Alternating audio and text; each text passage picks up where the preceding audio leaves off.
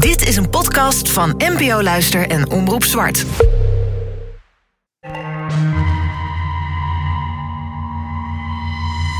En waar komt dat geluid dan vandaan? Woef, woef.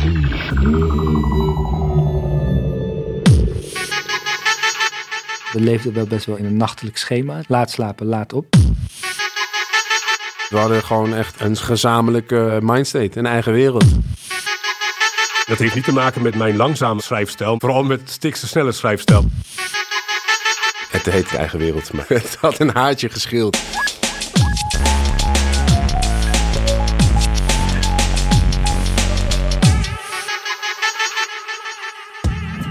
Ergens in 2005 moet opgezwollen begonnen zijn. Met opnemen van liedjes voor eigen wereld. Maar het is eigenlijk heel onduidelijk, omdat ze altijd aan het opnemen waren. En als ze niet aan het opnemen waren, waren ze aan het optreden.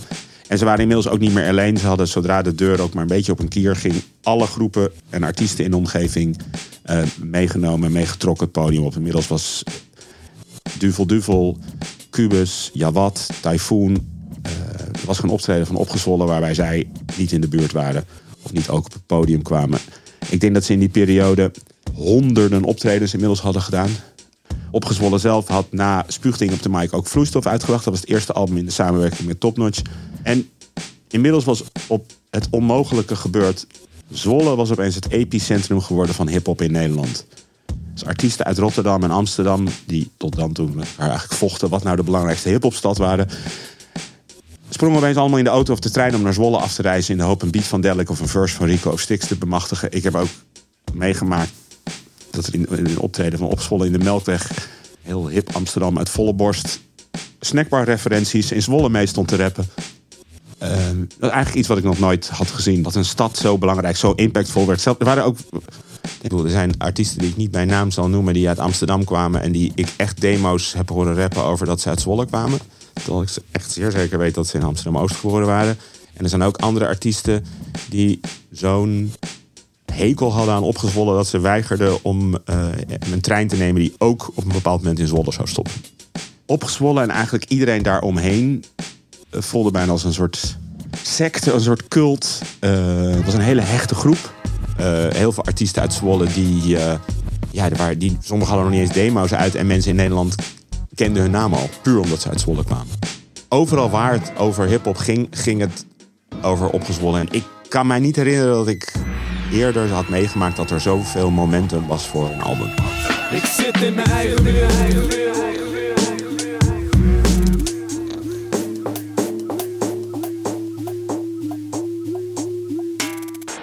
Ik denk dat als ik het moet reconstrueren, hoe het uh, wat, wat het moment was dat wij begonnen met Eigen Wereld, was dat gewoon direct nadat we klaar waren met vloeistof. Er is niet een soort punt dat we begonnen met opnames van uh, Eigen Wereld. Zo van nu gaan we een nieuw album maken. Voor mijn gevoel bleven we gewoon altijd opnemen. Er is niet een break geweest na vloeistof. Het was me ook niet duidelijk dat dat de meest geanticipeerde hiphopplaat in Nederland was destijds. We zaten zo in onze soort rollercoaster qua spelen, muziek maken. We zaten zo diep in dat opnemen, opnemen, opnemen. Dat daar, daar ging het om. Je wilde jezelf daarin verbeteren en iets anders brengen. We gaan niet uh, weer hetzelfde trucje doen, weet je En dat was ook naar, een statement naar whoever van... je gaat weer een andere kant horen van ons. Die druk naar de buitenwereld toe om een classic te leveren... dat kan ik me niet herinneren zo. Nee. Ik weet wel dat we, wat ik wilde verder trekken was een, uh, ja, gewoon een, een soort classicness. Ook qua onderbuikgevoel. Dat, is, dat gewoon alles kwalitatief gezien zo vet is, dat je, dat je niet anders kan dan, uh, zeg maar, een soort innerlijk juichen terwijl je die platen zit te luisteren, keer op keer. Eigenheid was echt, dat was het ding voor ons. Van, het moet, moet een eigen wereld, eigen wijs, eigen invalshoeken, eigen onderwerpkeuzes, eigen flows. En natuurlijk is het altijd wel ergens geïnspireerd op dingen, maar ik kan niet lijken op dingen en zo. Ik kan geen dingen gaan kopiëren. Het, het, het is toch een beetje, ja... Nagemaakt, nagemaakt. Wij zijn wat dat betreft, als het om dat soort dingen gaat, dan zijn we wel principieler. Pieler, pieler, pieler, pieler. Ik woonde toen uh, op een kamertje, wat ook mijn studio was. Dat is echt een klein vierkant hokje met een bed en daarnaast een heel groot bureau met zijn eh, apparatuur. Dus hij sliep eigenlijk zo goed als over de computer heen. Het was één klein crappy, eh, stinkende studentenkamer. En eh, altijd een rioleringprobleem, weet ik nog. Ja, dat was echt een stank daar. Er kwamen ook journalisten wel eens langs eh, die ten eerste zeiden van... wat ruik ik of niks zeiden, maar het echt wel roken. Er kwam een soort rioollucht. En vervolgens ook eh, dat ze ook echt verschrokken niet, maar echt soort van... Tering, hebben jullie alles hier gemaakt, weet je wel? Dat ze het bijna niet konden geloven. Het was echt fucking crappy. Als je het ziet, het was echt... En daar gingen we opnemen. En, eh, en een heel klein tuintje. En achterin daar stond een tafeltennistafel. Gingen we tafeltennissen. En dat... dus het was gewoon in een heel klein hokje zitten blowen en muziek maken. Dat is een heel eh, romantisch beeld eigenlijk. En dat was tegenover snack... Niet snack Corner Noord, maar Tegenover eh, die snackbar. Niet Snackpoint Kolk, maar... Of ja, Kolk, ja, denk ik. snack Point Kolk. Ja, Kolk. Niet Norp. Ze lijken een beetje op elkaar, sorry. Snackpoint Kolk. En daar had je patatje joppie saus. En die joppie saus was de eerste keer dat ik joppie saus hoorde. En uh, daar ging altijd huisgemaakte frikandel en patatje joppie saus. En ik wilde nog zelfs... Wilden we die eigen wereld zo noemen. Of alle producten uit eigen keuken, dat was het. Want dat was de slogan op die kolk. En dat zag ik elke dag. Ja, alle producten uit eigen keuken. Dat is hoe het zit in Zwolle. Tegenover Snackpoint Kolk wissel ik mijn woorden en kabouter spelen midget golf. Het heette uiteindelijk eigen wereld, maar het had een haartje geschild. Dat was een suggestie van Kees. Hij zei, waarom noem je hem niet eigen wereld, die plaat? Jullie zitten in je eigen wereld. Het zou een single kunnen zijn.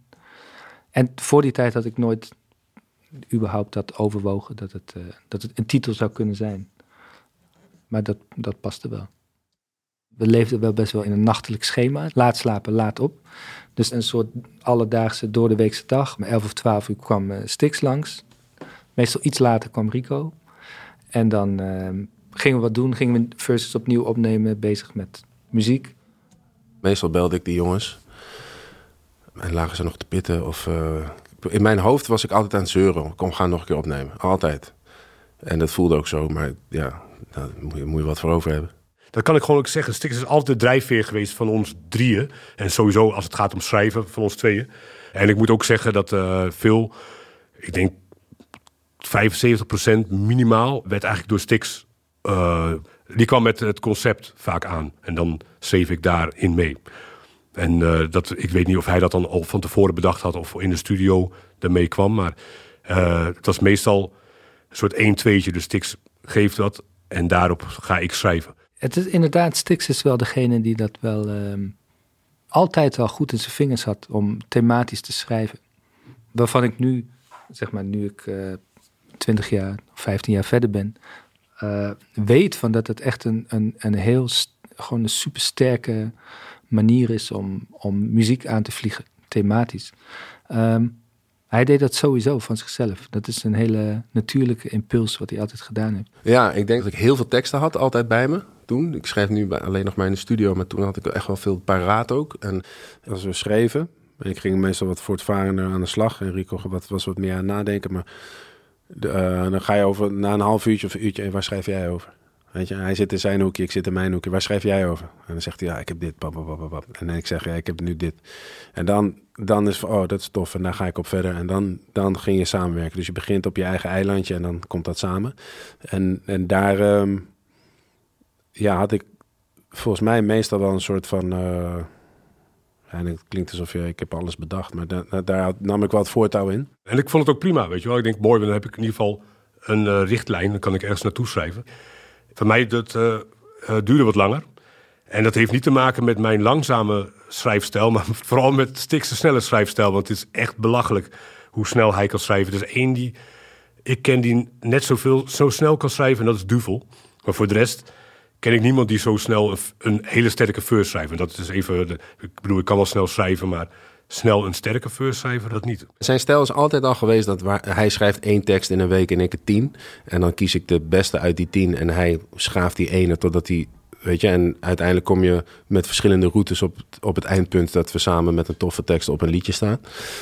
Uh, dus dat is gewoon een andere manier van werken. Dat was altijd al wel. Maar ik kan me ook wel vaak herinneren dat er gewoon heel lang een demo lag met alleen een verse van mij. En dat hij dan na drie kwart jaar een keer uh, de tekst af had. Voor Gekhuis specifiek weet ik dat heel goed. Dat was he heel lang alleen een uh, die beat met een tekst van mij. Heel lang. Echt, echt meer dan een half jaar. En toen kwam opeens die verse van hem. En toen kwam Jawat erop. Ja, dat vond ik wel eens frustrerend. Want ik denk, ja, dat is invullen. Dat is niet eerlijk. Zeg maar op een soort rap-competitiegebied. Dat is niet eerlijk, hè. Dus dat, maar als het maar het eindresultaat verbeterde, kan ik er ook weer heel goed mee leven of zo. Je hoeft niet de beste op de track te zijn als het. Dat is een soort sidequest. Het belangrijkste is dat je gewoon met z'n allen denkt van dit is zo goed, we, willen dit eruit hebben. En als je dan een keer, als het een keer een gelijk spelletje is, op rap technisch niveau, dan, is dat, kan ik daar prima mee leven.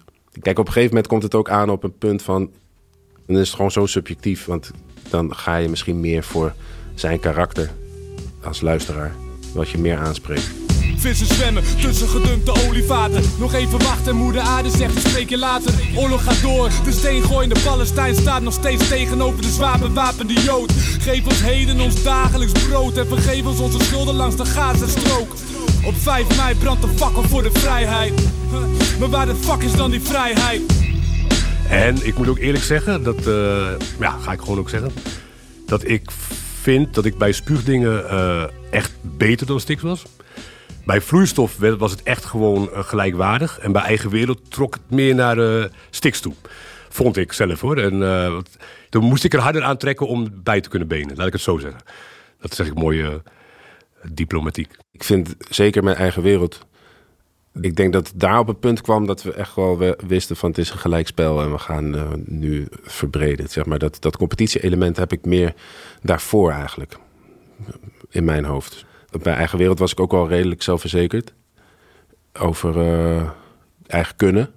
In de zin van nu kan ik er hangen en uh, kunnen we het over andere dingen gaan hebben ook, zeg maar. Weet je wel, dus, dus